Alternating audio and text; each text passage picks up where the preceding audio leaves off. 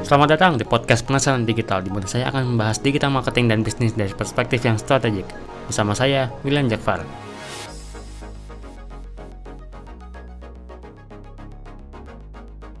Oke, hai, selamat datang di episode pertama saya di Penasaran Digital. Ini sebenarnya effort pertama saya untuk coba membuat podcast karena saya uh, sebelumnya ngeblog.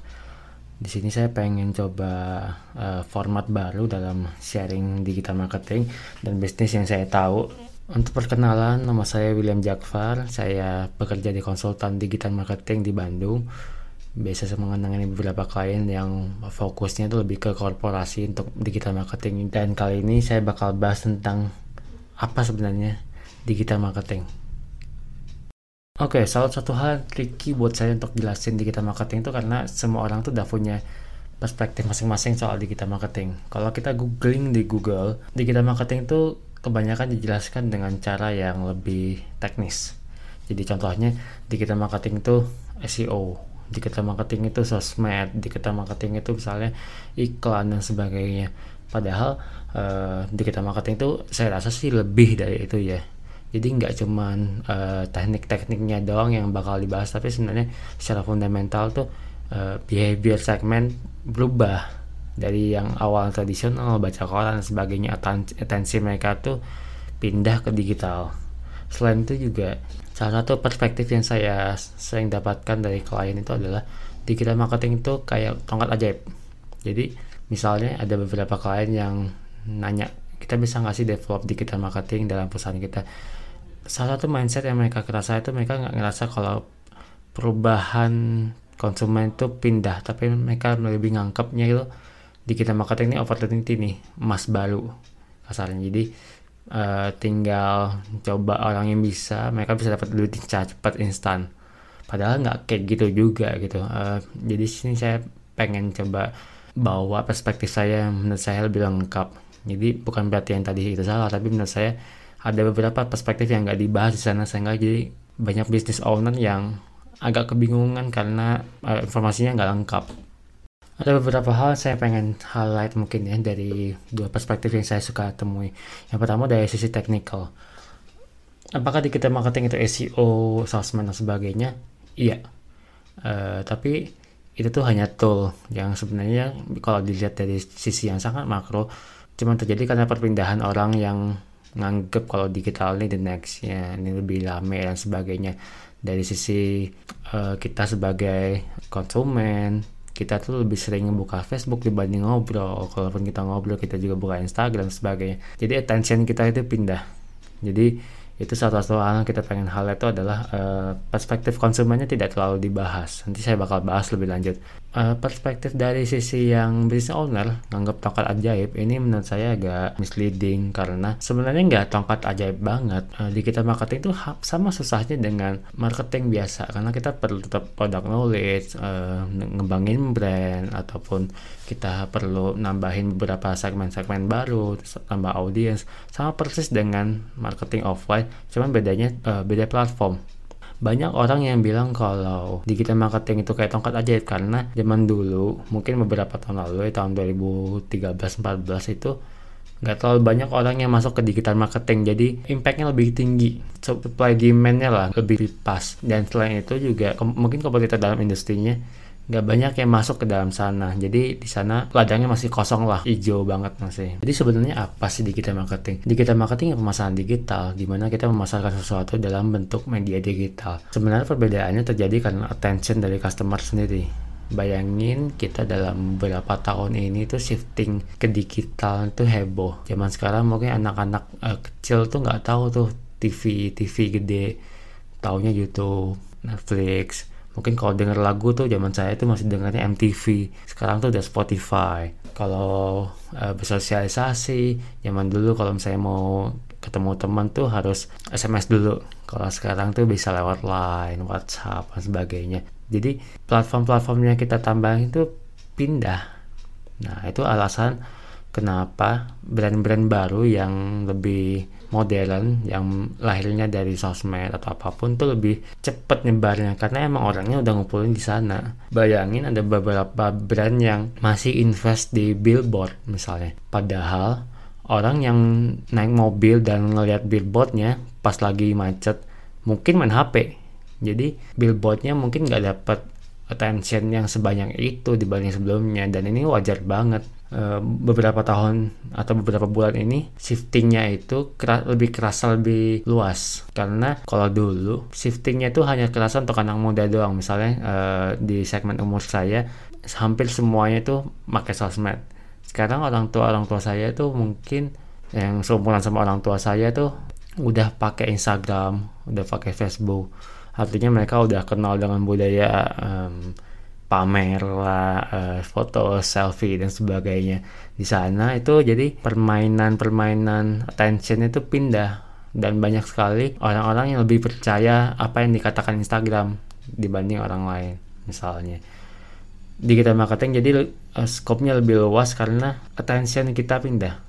Itu sih satu hal yang menurut saya lebih harus di highlight attention kita pindah dan kita jadinya harus uh, ngikutin sebagai marketer atau sebagai bisnis. Kita harus ngikutin nih orang tuh ke mana sih? Uh, mereka tuh sebenarnya ada di mana dan kita ngikutin itu. Jadi di kita marketing tuh kayak buzzword ya sebenarnya kalau menurut saya.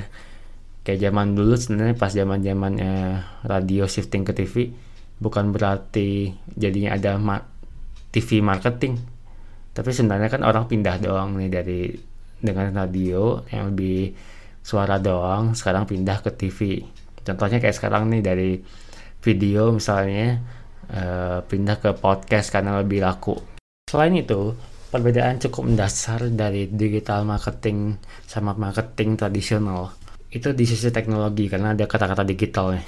Outputnya udah beda jauh nih. Kalau zaman dulu kan kasarnya uh, marketer tuh cuma tinggal mikir nih uh, dengan billboard sekian kali sekian senti sekian kali sekian meter berapa yang harus di mereka bayar misalnya atau berapa yang harus mereka pasang di beberapa titik di kota. Kalau di digital uh, sifatnya tuh lebih luas karena kita tahu di mana kita bisa naruh tempat-tempatnya. Misalnya kita mau naruh di Facebook mau Instagram dan di sana tuh formatnya lebih macam-macam kalau di billboard hanya mungkin 2D doang di tempat-tempat lain misalnya kita bisa lebih explore jadi kalau di Instagram atau Facebook ada format video, ada format post, ada format-format lain yang memungkinkan kita untuk bisa lebih uh, kreatif. Jadi marketer tuh uh, chance-nya lebih banyak untuk bisa nge-grab attention dari customer sendiri. Selain itu juga banyak sekali hal-hal yang bisa ditarik dari digital. Jadi nah misalnya saya sebagai uh, saya nanganin klien di kantor, itu kita sering banget narik-narik data supaya kita bisa lebih tajam nih dari strategi digitalnya. Jadi misalnya kita udah tahu nih kita ada beberapa iklan yang kita post mana sih angle yang paling menarik untuk dijadiin angle eh, angle utama dari sebuah campaign untuk membantu brandnya itu bisa bisa ketahuan karena kita tahu nih mana respon yang paling bagus dari sosmed yang kita sebarin iklan yang kita sebarin sebagainya. Kalau di tradisional biasanya agak lebih susah tuh karena kita sebenarnya nggak uh, hanya menebak-nebak nih. Datanya tuh nggak terlalu banyak sedangkan di digital datanya banyak banget sampai kita bisa nimpulin banyak sekali hal dan jadinya kita bisa lebih tajam nih uh, perlakuan marketingnya. Oke kira-kira itu sih menurut saya. Jadi digital marketing itu sesuatu yang uh, emang berkembang dan muncul karena emang shifting dari customer juga udah pindah. Beberapa tahun lalu mungkin nggak terlalu sembunyi ini karena kita belum tinggi nih penetrasi ke dalam internetnya. Tapi tahun ini mungkin tahun lalu dan tahun ini tuh lebih tinggi lagi. Dan jadinya makin relevan nih makin banyak bisnis yang udah mulai kerasa nih. Kok hmm, misalnya kompetitor gue tuh lebih tinggi ya. Misalnya konsep gue kok turun ya dengan tren kayak gini ya. Orang apakah orang pindah ke digital kalau memang segmennya ada di digital dan mayoritas ada di digital berarti ya yang pindah gitu nah di sini saya bakal bahas juga tentang komponen-komponennya nih. Tadi saya bahas nih SEO dan sebagainya. Tapi uh, saya pengen bahas nggak dari sisi teknis nih, dari sisi yang lebih gampang dipahami lah. Kenapa sih komponen di digital itu dibagi-bagi ke dalam hal kayak gini? Saya bakal bahas dari sisi pertama SEO. Kenapa sih SEO muncul? Sebenarnya kan konsepnya sederhana banget nih. Jadi kita setiap hari pakai Google. uh, kita pakai Google buat cari informasi buat nyari tiket nyari tiket bioskop ngeliat cuaca pakai kalkulator macam-macam lah. Hampir semua kita bisa lakukan di Google. Toolnya sangat powerful dan kita juga sering pakai itu. Premisnya sederhana banget. Karena kita udah tiap hari pakai Google kita udah hampir mengandalkan informasi di Google Tuk Tuk untuk ngambil keputusan. Jadi kalau misalnya kita punya bisnis misalnya let's say kita uh, lembaga training. Dan lembaga training kita muncul kalau kita nyari sesuatu di Google misalnya lembaga training terbaik Jakarta. Kalau muncul berarti kan kredibilitas dalam brand tuh muncul. Jadi orang bakal percaya nih kalau misalnya kita benar kredibel karena Google aja bilang kita kredibel gitu. Dan itu yang sebenarnya pengen diangkat dari SEO jadi kita muncul di keyword-keyword yang membuat orang tuh percaya dengan bisnis kita dengan perusahaan kita uh, konsep ini sering sekali saya pakai untuk menjelaskan SEO dengan sisi yang cukup simpel. Jadi buat beberapa klien yang memang potensi uh, untuk SEO ini tinggi jadi emang ada keyword-keyword pencarian yang dicari di sana untuk bisnis mereka kita bakal kerja dengan SEO juga. Karena di sana tuh salah satu kelebihan SEO adalah orang yang nyari keyword tertentu misalnya nyari keyword training terbaik di Indonesia itu pasti udah nyari pasti intensinya pengen nyari trainingnya. Bukan cuma nyari informasinya doang maksudnya udah segmented banget nih. Di titik itu kita nggak perlu capek-capek kasarnya uh, nyari ngefilter orang-orang yang cuma tertarik doang atau orang-orang yang sudah uh, cuman iseng doang lah. Karena ini udah benar-benar orang yang menuangkan niatnya untuk nyari. Nah SEO itu muncul supaya perusahaan kita eksis nih. Tapi di search engine. Seperti tadi sebenarnya konsepnya sama persis attention kita. Attention orang itu kita bisa grab karena kita muncul di SEO gitu. Oke yang kedua sosmed. Sosmed adalah hal yang sering dibahas ya kalau misalnya semua orang mau masuk digital masuknya ke mana pertama kali ke mana? Ke sosmed biasanya. Kalau dulu orang semua harus bikin website kalau sekarang semua orang harus punya sosmed. Kenapa sih kita harus punya sosmed? Simply karena semua orang sekarang main sosmed hampir semua orang punya akun Facebook sekarang. Jarang banget yang nggak punya akun Facebook. Biasanya minoritas banget nih.